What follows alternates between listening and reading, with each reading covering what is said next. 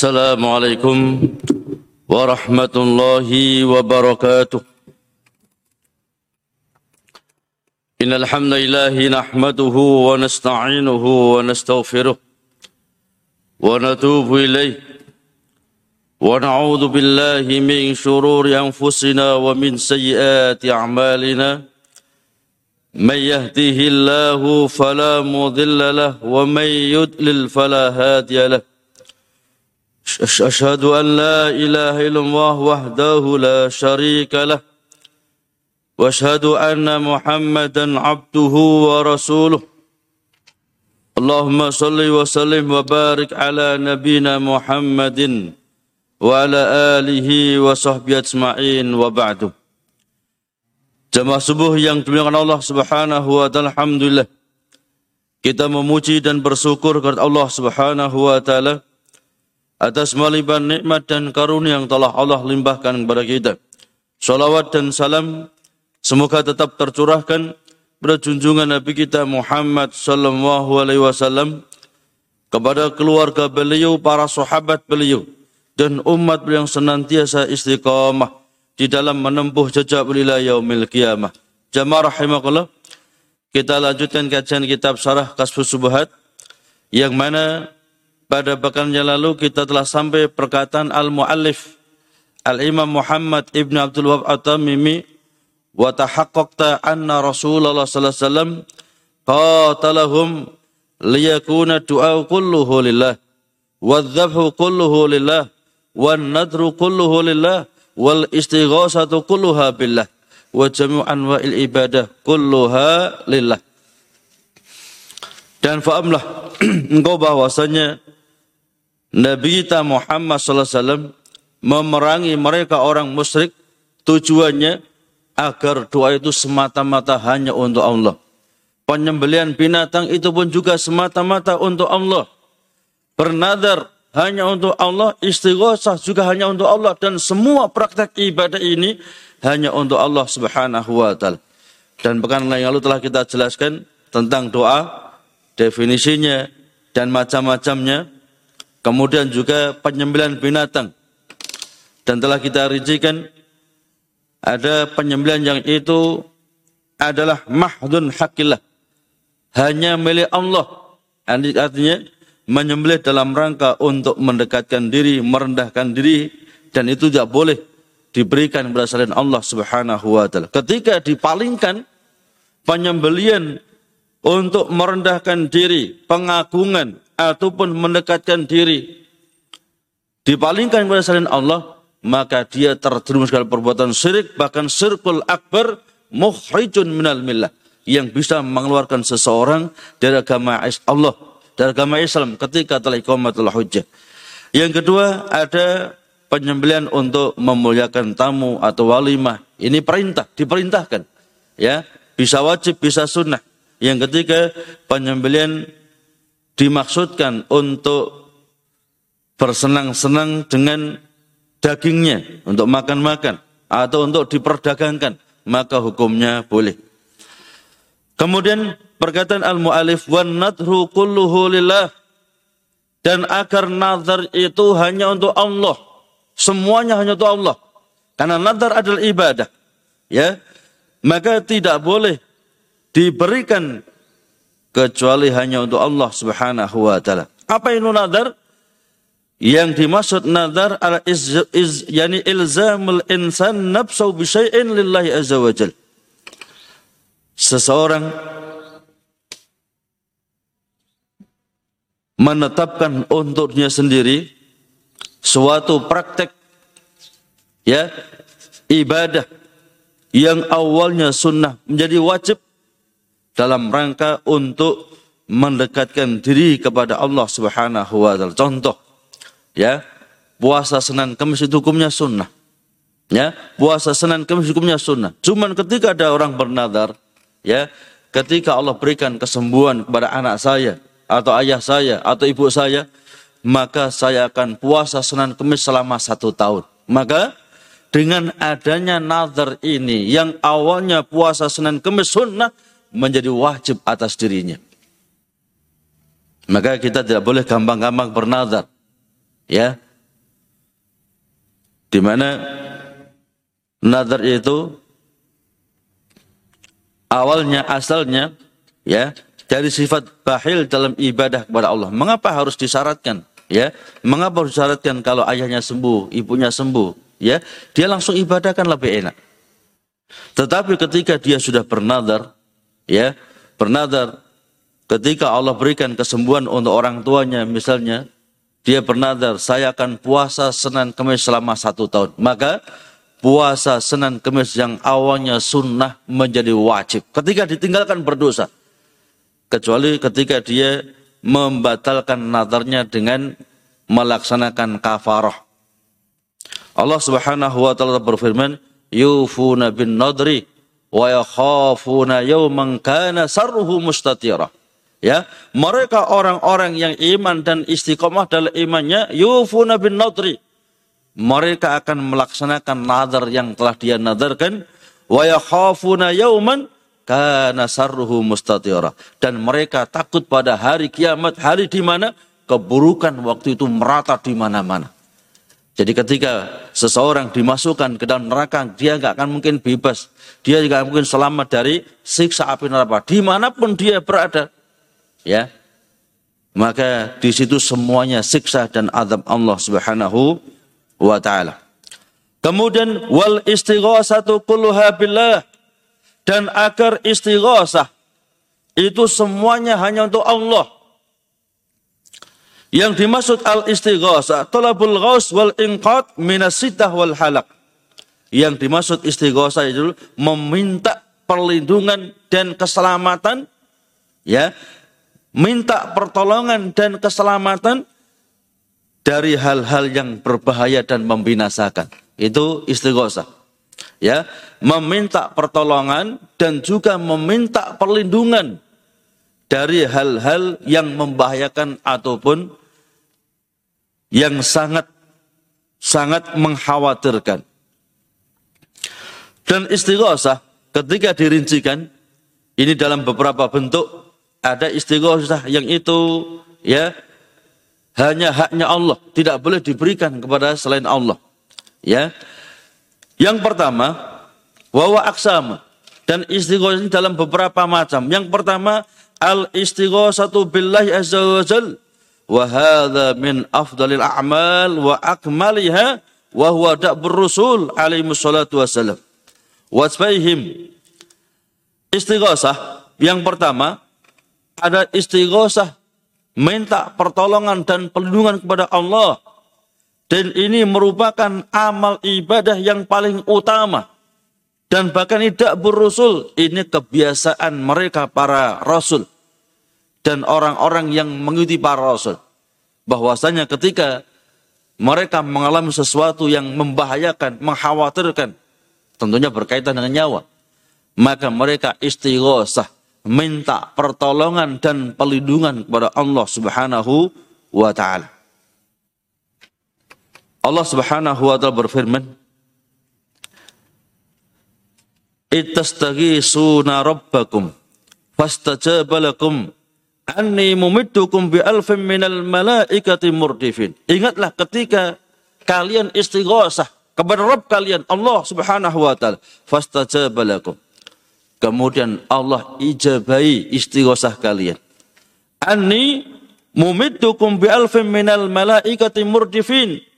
Sesungguhnya aku telah memberikan pertolongan kepadamu dengan mengirim seribu malaikat yang mereka ya sangat cepat. Sayangnya di sini itastaghisuna rabbakum. Ingatlah ketika engkau istighosah kepada Rabbmu.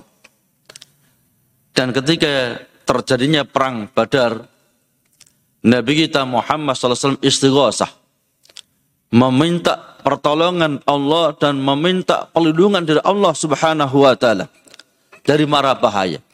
Ya, Nabi mengangkat kedua tangannya bahkan sampai selendang Nabi jatuh berkali-kali. Ya, saking sungguh-sungguhnya Nabi berdoa memohon meminta kepada Allah, istighosah kepada Allah. Nabi berdoa Allahumma in tuhlika hadhil isabah fa innaka la tuqbal fil ardi abada. Ya Allah, andai saja golongan kaum muslimin engkau binasakan hari ini ya Allah, maka sesungguhnya engkau tidak akan pernah disembah di permukaan bumi untuk selama-lamanya. Mengapa? Disebabkan Nabi kita Muhammad Nabi yang terakhir. Umat Islam adalah umat yang terakhir. Ketika Allah binasakan hari itu, maka tidak ada lagi orang yang beriman. Tidak ada lagi orang yang yakni beriman kepada Allah Subhanahu wa taala permukaan bumi. Maka Nabi meminta berdoa memohon kepada Allah, Allahumma intuhlika hadil isabah fa innaka la tu'ba fil ardi abada. Ini istighosah, ya. Jadi meminta memohon kepada Allah Subhanahu wa taala dari sesuatu hal yang sangat-sangat bahaya dan juga kebinasaan itu adalah istighosah. Dan itu berkaitan dengan nyawa. Dan istighosah yang semacam ini merupakan amal ibadah yang paling utama. Apa bedanya istighosah dengan isti'anah? Kalau isti'anah itu minta tolong. Tapi kalau istighosah melebihi minta tolong. Ya, Istighosah itu minta tolong dan minta perlindungan. Ya, jadi istighosah itu lebih ya, melebihi isti'anah. Kalau isti'anah kita minta tolong kepada Allah, kalau istighosah, kita minta tolong sekaligus minta perlindungan dari Allah dari mara bahaya kematian. Kemudian yang kedua, al istighosah bil amwat atau bil ahya ghairil hadirin al qadirin al ighasah fa hadha syirkun li'annahu la yaf'alu illa ma ya'taqidu anna li haula tasarrufan khafiyyan fil kauni wa yaj'alu lahum haddan minar rububiyah. Yang kedua, istighosah yang kedua, ya, yakni istighosah kepada orang yang telah mati ataupun istighosah kepada orang yang masih hidup cuman dia tidak ada gaib dia orang yang masih hidup cuman gaib tidak di hadapannya tidak bisa diajak bicara ya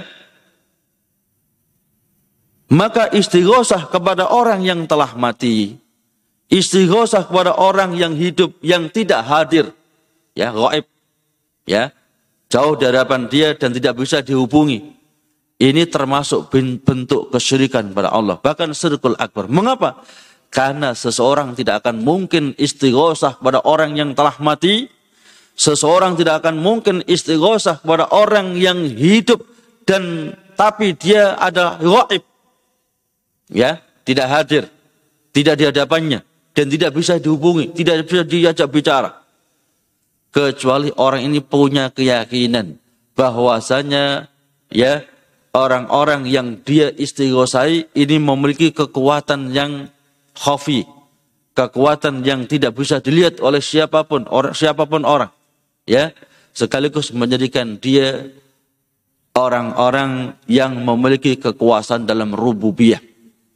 Ya, bisa mengatur sebagian alam, ya bisa yaitu merubah keadaan sebagian alam ya ini termasuk istighosah yang sirik jadi satu lagi bahwasanya istighosah yang kedua istighosah pada orang yang telah mati.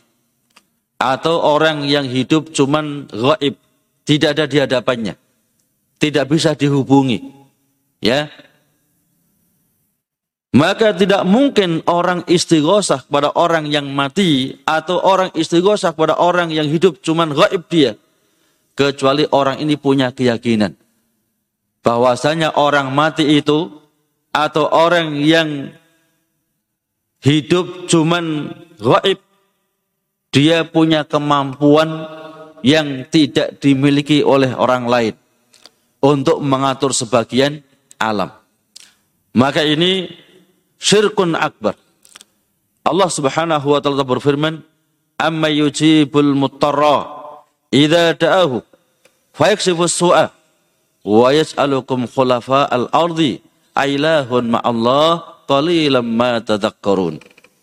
Allah telah berfirman, apakah ada seseorang yang bisa mengabulkan doa orang yang dalam keadaan darurat ketika dia meminta dan berdoa kepadanya dan menghilangkan keburukan-keburukannya.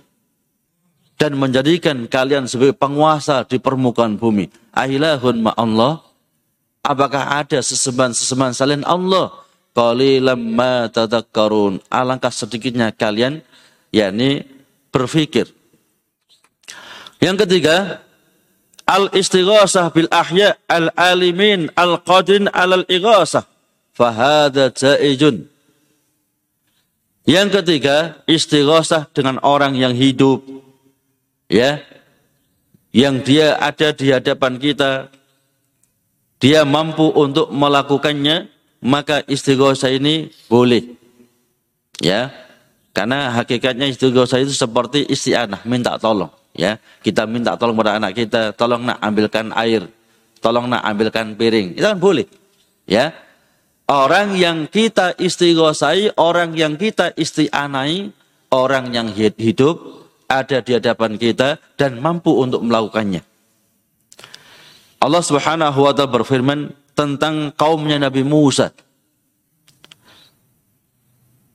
Di dalam surat Al-Qasas ayat 15 Allah berfirman fastaghasahu alladhi min syi'atihi ala min atuihi fawaqajahu Musa faqada alaihi.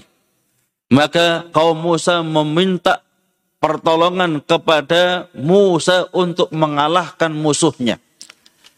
Jadi kisahnya itu ada salah seorang kaum dari Kipti, yakni kaumnya Fir'aun, Kipti. Ini bertengkar, ya, bergulat dengan kaum Bani Israel. Maka ketika salah seorang kaum Bani Israel ini ya dia merasa lemah. Ya kalah dengan seseorang dari kaum Kipti dan waktu itu ada Musa. Ya maka kaum Musa ini meminta tolong kepada Nabi Musa untuk mengalahkan musuhnya. Maka oleh Nabi Musa dijotos.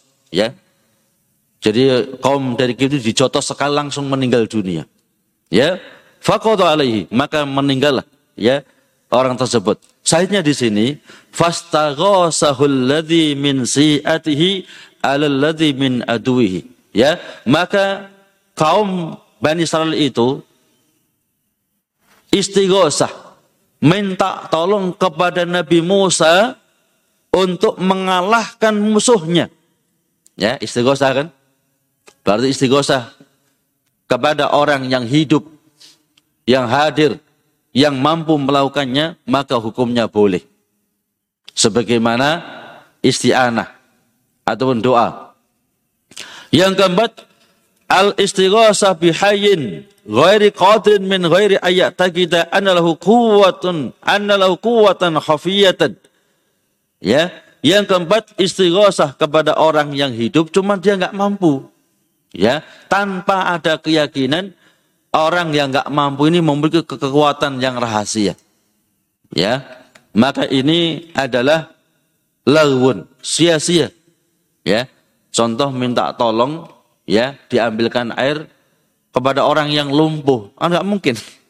Ya, tolong ambilkan air. Tapi yang dimintai tolong orang yang lumpuh, maka tidak bisa. Maka ini suatu hal yang lawun sia-sia. Cuman bukan termasuk perbuatan syirik selama tidak meyakini orang yang lumpuh ini memiliki kemampuan ya di luar batas kemampuan manusia. Karena kadang-kadang itu ya waktu hidupnya ya waktu hidupnya lumpuh nggak bisa diminta tolong apa pun. Tapi begitu mati ya ditawasuli, diistighosai dan macam-macam. Faham maksud saya? Kadang-kadang ketika waktu hidup dia ini nggak bisa apa-apa dia. Begitu mati malah ya minta ke situ, minta-minta ke situ ya dan macam-macam. Ya, inilah perbuatan-perbuatan syirik yang telah diperantas oleh Nabi kita Muhammad sallallahu alaihi wasallam. Wa jami'u ibadah kuliha lillah. Dan agar semua praktek ibadah itu hanya untuk Allah. Ketika isti'anah, istighosa, doa, nadar, penyembelian binatang, semuanya hanya untuk Allah bukan kepada selain Allah Subhanahu wa taala. Inilah ya inilah tujuan Nabi kita Muhammad SAW memerangi mereka orang musyrik. Kemudian berkata al-muallif al-Imam Muhammad Ibn Abdul Wahab halaman 29 Wa arafta anna iqrarahum bi tauhid rububiyah lam yudhilhum fil Islam.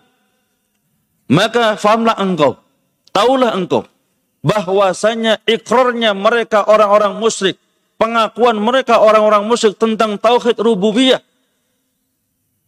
bahwasanya Allah satu-satunya zat yang menciptakan, yang menghidupkan, yang mematikan, yang kasih rizki, yang mengatur segala urusan, itu lam yudhilhum fil Islam. Belum memasukkan mereka ke dalam agama Islam.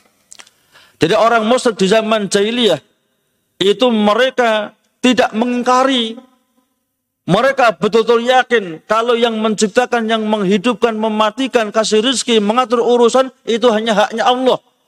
Mereka nggak mengingkari itu. Maka ketika ditanya oleh Allah berulang-ulang dalam Al-Quran, siapa yang kasih rizki dari langit dan bumi, mereka mengatakan Allah. Siapa yang mengatur segala urusan? Allah. Siapa yang menghidupkan, mematikan, macam-macam, mereka akan mengatakan Allah. Orang musyrik tidak mengingkari tentang hal ini. Menunjukkan ikrarnya mereka orang musyrik, pengakuan mereka orang musyrik tentang rububiyah Allah itu belum memasukkan mereka ke dalam agama Islam. Buktinya mereka masih diperangi Nabi sampai seluruh ibadah itu diserahkan hanya untuk Allah Subhanahu wa taala. Wa anna qasdahum al malaikata awil anbiya'a awil awliya'a yuriduna safa'atum at-taqarrub wa taqarruba ila Allah bidzalik huwa alladhi ahalla dimahum wa amwalahum. Maka doa mereka kepada malaikat-malaikat doa yang dipanjatkan kepada Nabi permintaan tolong yang dipanjatkan kepada wali-wali dengan tujuan agar mereka mendapatkan syafaat mereka para malaikat, para nabi dan para wali dan juga mendekatkan diri mereka kepada Allah Justru inilah yang menyebabkan darah mereka dihalalkan oleh Nabi. Harta mereka dihalalkan oleh Nabi. Jadi mereka orang-orang musyrik dengan sebab mereka berdoa kepada malaikat-malaikat, berdoa kepada nabi-nabi, berdoa kepada wali-wali dengan keinginan agar mereka menjadi syafaat bagi mereka nanti di hadapan Allah dengan keyakinan agar mereka mendekatkan diri mereka orang musyrik kepada Allah dengan sedekat-dekatnya, itulah yang justru menyebabkan darah mereka dihalalkan oleh Nabi, diperangi Nabi. Harta mereka dihalalkan Nabi, ya. Ketika mereka tidak mau masuk Islam, ya, dan tetap dalam kekufurannya, maka diperangi, ya. Bahkan hartanya menjadi harta rampasan perang. Disebabkan mereka minta-minta kepada malaikat-malaikat Allah. Minta kepada para nabi. Minta kepada para wali-wali. Inilah yang menyebabkan darah mereka dihalalkan oleh Nabi. Diperangi oleh Nabi. Sampai titik darah penghabisan. Maka Nabi kita Muhammad SAW telah bersabda, Umir tu an uqatilan nas hatta yashhadu an la ilaha illallah wa anna Muhammadar Rasulullah. Aku diperintahkan oleh Allah untuk memerangi mereka orang musyrik sampai mereka bersyahadat, bersaksi bahwasanya tidak ada ilah yang berat disembah kecuali hanya Allah, Muhammad utusan Allah.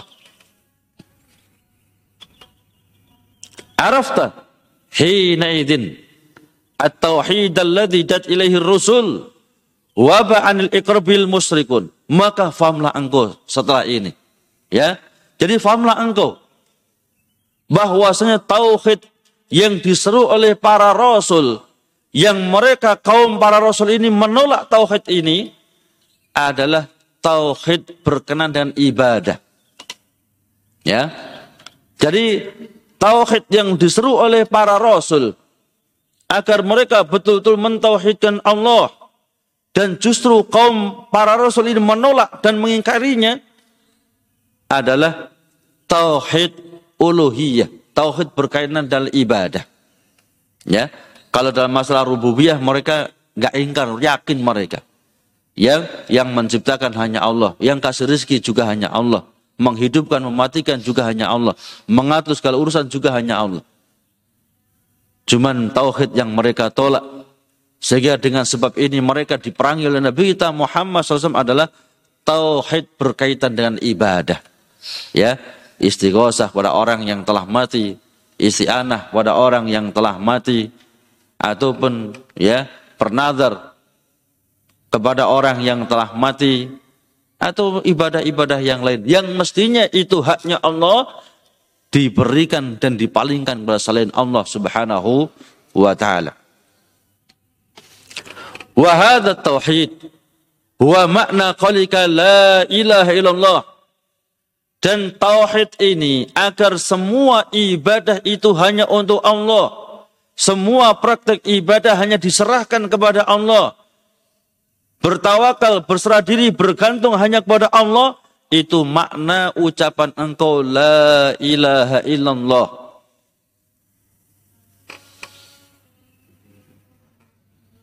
Perkataan al-muallif wa huwa tauhid huwa makna qalika la ilaha illallah anna tauhid alladhi da ilaihi nabi alaihi salatu wasallam wa makna la ilaha illallah ay la ma'buda haqqun illallah.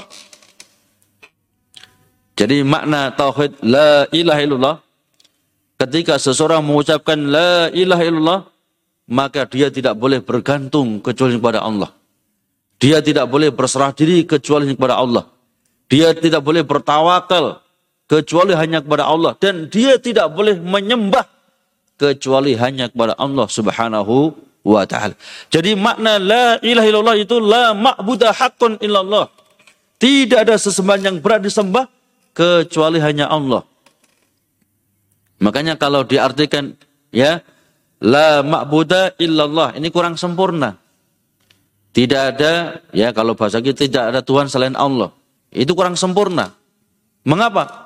Karena sesembahan-sesembahan selain Allah itu masih banyak. Ya, ada orang menyembah pohon, ada orang menyembah batu, ada orang menyembah gunung, ya, ada orang menyembah keris, jimat, sikap dan macam-macam. Sesembahan itu banyak. Tapi sesembahan-sesembahan yang banyak itu ada ilahun batil. Sesembahan yang batil. Ya. Buktinya ya batu, pohon dijadikan sesembahan selain Allah itu. Mereka kalau minta kaya datangnya malah ke Gunung Kawi. Ya. Atau mungkin ya ke patung yang lain. Ataupun juga watu bobot misalnya. Atau yang lainnya. Dan masih banyak itu. Ya. Atau ke tempat-tempat yang dianggap angker ya.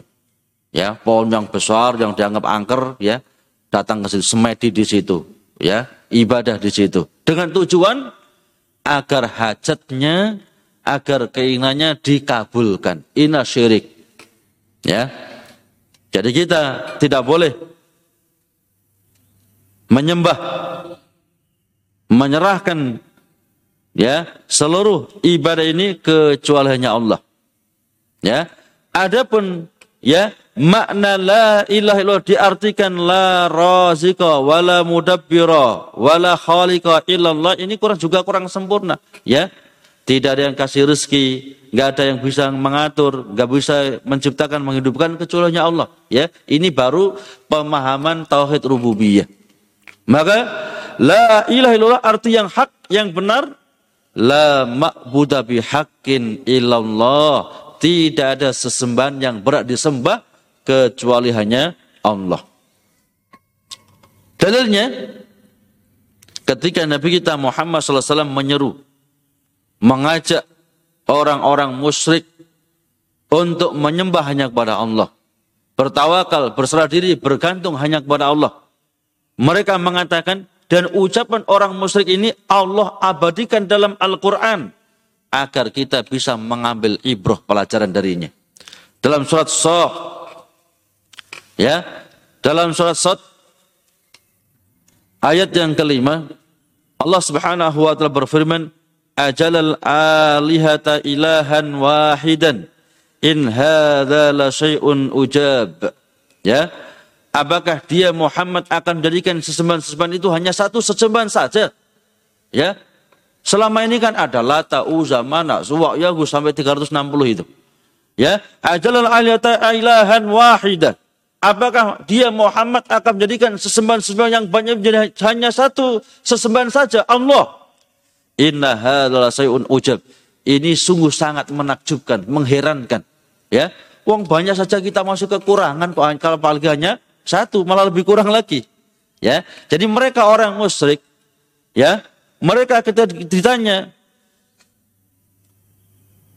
ya, siapa zat yang menciptakan Allah, yang kasih rezeki Allah, mengatur urusan Allah. Tapi mereka juga menyembah Lata, Uza, Mana, Su'ayahu. Sehingga mereka mengatakan, ya, kalau Allah ya penguasa langit itu hanya satu Allah. Tapi kalau penguasa di bumi itu ada 360. Ya, ada Lata, Uza, Mana, Suwa, Yagus dan macam-macam. Padahal sebetulnya Lata, Uza, Mana, Suwa, Yagus ini orang soleh. Orang yang ahli ibadah. Ya, orang ahli ibadah. Mereka punya keyakinan kalau orang soleh, wali, itu punya kemampuan untuk mengatur sekalian se sebagian alam. Dikasih kekuasaan oleh Allah untuk bisa mengatur sebagian alam. Ya, dan orang sufi biasanya tidak lepas dari keyakinan ini. Makanya ketika mereka terjadi hal-hal yang berbahaya yang disebut bukan Allah, mungkin malah Sa'adul Qadir Jailani, ya. Mungkin ketika jalan-jalan di sawah, di tegalnya, ada harimau misalnya. Yang disebut bukan Allah, Badawi, Badawi. ya. Jadi sebut bukan bukan Allah itu, ya. Disebut Syekh Badawi dan macam-macam, ya. Maka mereka orang musyrik ketika disuruh Nabi, didakwah oleh Nabi, ayo menyembah hanya kepada Allah, beribadah hanya kepada Allah, bergantung berserah diri hanya kepada Allah, bertawakal kepada Allah. Mereka mengatakan ajalal alihata ilahan wahidah. Apakah dia Muhammad hendak menjadikan Tuhan-Tuhan yang banyak itu, sesembahan-sesembahan yang banyak itu hanya satu sesembahan saja. Ya. Inna in hadza la ujab. Sesungguhnya ini perkara yang sangat mengherankan. Aneh ini. Ya. Menunjukkan orang musyrik faham itu. Ketika diseru, ya, diseru oleh Nabi, Kulu la ilaha illallah, ucapkan oleh kalian la ilaha illallah, mereka faham. Kalau setelah mengucapkan la ilaha illallah, mereka tidak boleh lagi bergantung pada lata, berserah diri lagi kepada uza, meminta-minta kepada mana dan seterusnya mereka faham. Ya, yang disayangkan untuk zaman sekarang ini banyak di antara saudara kita mengucapkan la ilaha illallah tapi nggak faham. Sehingga walaupun mengucapkan la ilaha illallah dia tetap sesaji. Ya, walaupun mengucapkan la ilaha illallah dia melaksanakan tumbal. Walaupun mengucapkan la ilaha illallah dia ya bertawakal kepada jimat dan sikapnya. Mengapa? Karena enggak faham kalimat tauhid la ilaha illallah. Adapun mereka orang musyrik malah ngerti itu di zaman Nabi ngerti mereka. Ya, ketika diperintahkan Nabi qulu la ilaha illallah. Ya, ucapkan oleh kalian la ilaha illallah. Maka mereka mengatakan, ajalal aliyata ilahan wahidah. Apa Muhammad hendak menjadikan sesembahan-sesembahan yang banyak itu hanya satu sesembahan? In hadzal syai'un ujab. Ini suatu perkara yang mengherankan, aneh ini. Ya. Sehingga Allah lanjutkan firman-Nya, "Wan talaqal malau minhum animsu wasbiru ala aliyatikum." Ya.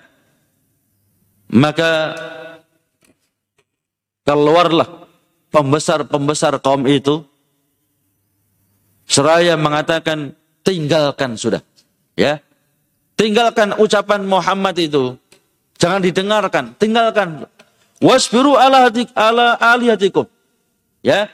Dan terus-teruslah istiqomah dalam menyembah Tuhan-Tuhan kalian. Jadi supaya tetap istiqomah untuk ya menyembah Lata, Uza, Mana, Suwa, Yagus. Tetap istiqomah sudah, itu benar itu. Muhammad salah, maksudnya gitu. Ya. Jadi pembesar-pembesar kaum mereka mengatakan, ya, tinggalkan Muhammad. Ucapannya bohong itu. Ucapannya dusta itu. Mana mungkin sesembahan yang banyak dijadikan hanya satu sesembahan saja. Ya, tinggalkan dan sabarlah kalian istiqomah kalian dalam menyembah Tuhan-Tuhan kalian itu. Inna hadza la say'un yurat. Itulah perkara yang dikendaki. Ya, jadi yang dikehendaki yang benar itu ya nyembah Lata, Uzza, Manak, Yagus. Ya, jangan tinggalkan itu semuanya. Ma sami'na bihadza fil milatil akhirah. Fil milatil akhirah. In hadza illa ihlaq. Ya, kata pembesar kau mengatakan, kami tidak pernah mendengar dalam agama-agama yang terakhir ya sesembahan itu hanya Allah enggak sesembahannya banyak Ya, kalau Allah itu yang menguasai langit, ada yang menguasai bumi, ada ini, ini, ini, macam-macam. Ya, ada Dewi Sri, ada Songgokong, ya, macam-macam. Ya, in hadza illa ikhlaq. Itu adalah pembualan saja, ya kedustaan saja yang dibuat oleh Muhammad. Perhatikan di sini. Ya. Perhatikan bahwasanya mereka orang musyrik faham itu. Ketika diajak la ilaha illallah, mereka faham ngerti bahwasanya konsekuensi mengucapkan la ilaha illallah dia tidak boleh bergantung kecuali kepada Allah. Dia tidak boleh berserah diri, bertawakal kecuali hanya kepada Allah. Bahkan dia tidak boleh menyembah kecuali hanya kepada Allah Subhanahu wa taala. Maka ketika paman Nabi Abu Talib, ya, ketika menjelang ajalnya, Nabi bersabda, "Ya ammi, Qul la ilaha illallah kalimatan uhajulaka biha indallah. Wahai paman, ucapkan la ilaha illallah. Dengan satu kalimat la ilaha illallah. Aku akan berhujah di hadapan Allah agar engkau mendapatkan rahmatnya masuk dalam surganya. Maka berkata Abu Jahal, Abdullah ibnu Umayyah, Atar gabu amilati Abdul Muttalib. Wahai Abu Talib, apa kamu benci dan agama Abdul Muttalib? Ya, Agama Abdul Muttalib itu meyakini kalau penguasa langit itu hanya Allah. Tapi ya ada sesembahan-sesembahan yang lain selain Allah. Ada Lata, Uza, Mana, Suwa, Yahus, dan yang lainnya. Ya. Maka mereka orang musyrik faham betul. Setelah diucapkan Qulu la ilaha illallah mereka paham artinya. Makanya kadang-kadang kita khutbah lebih dipanjangkan berkaitan masalah tauhid ini. Mengapa? Karena kadang-kadang umat nggak faham. Ketika dijelaskan la ilaha illallah tanpa dijelaskan rinci mereka nggak faham itu. Maka jimat pancet, sikap juga pancet, sesaji pancet, ya, tumbal pancet, sandingan pancet. Ya. Sehingga kalau nggak dikasih sandingan itu khawatir nanti, ya. Rumahnya kalau buat rumah baru nggak dikasih sandingan, khawatir nanti bahaya nanti. Ya, hantu penguasanya ngamuk nanti. Ya, kalau laut selatan itu nggak dikasih sandingan sesaji, khawatirnya lautnya ngamuk nanti. Inilah ya ketakutan-ketakutan yang tidak boleh diberikan kecuali hanya kepada Allah Subhanahu wa taala. Karena hakikatnya tidak ada yang kuasa ya tidak ada bisa memberikan manfaat ataupun mandarat kecuali Allah Subhanahu wa taala. Jamaah rahimakallah, ini yang bisa kita sampaikan ya. Mudah-mudahan bermanfaat dan memang tauhid sangat penting ikhwah ya. Berapa banyak bertahun-tahun belajar tapi nggak paham masalah tauhid. Ya, bahkan puluhan tahun justru malah pintar membuat jimat. Ya, belajarnya puluhan tahun malah pintar membuat jimat. Mengapa? Nggak paham masalah tauhid. Makanya orang-orang kuburiyun ya, orang-orang yang titik-titik ke kuburan, titik ke kuburan paling benci dengan Al-Imam Muhammad Ibnu Abdul Wahab At-Tamim. Mengapa? Karena beliau paling rinci menjelaskan tentang masalah tauhid. Ya. Beliau banyak membuat kitab termasuk kitab Kasfus Subuhat, termasuk Al-Usulu Salasah, ya, termasuk ya yakni Usul Sittah, termasuk kitab At-Tauhid. Jadi rinci sekali itu. Ya. Bagaimana tatayur menentukan nasib dengan yakni uh, dengan suara burung ya, misalnya burung pret ya, muni, oh berarti ada tamu ini. Itu tatayur. Keyakinan orang musyrik dahulu. Ya, ada burung gagak lewat. Uh, siapa yang mau mati ini? ya. Jadi tatayur. Dan ini perlu difahami ikhwah, ya, agar kita tidak ya cacat tauhid kita. Sehingga ini akan menyelamatkan kita nanti di hadapan Allah Subhanahu wa taala. Kita tutup dengan doa kafaratul majlis. Subhanahu wa hamdika asyhadu an la ilaha illa anta astaghfiruka wa atubu ilaik. Assalamualaikum warahmatullahi wabarakatuh.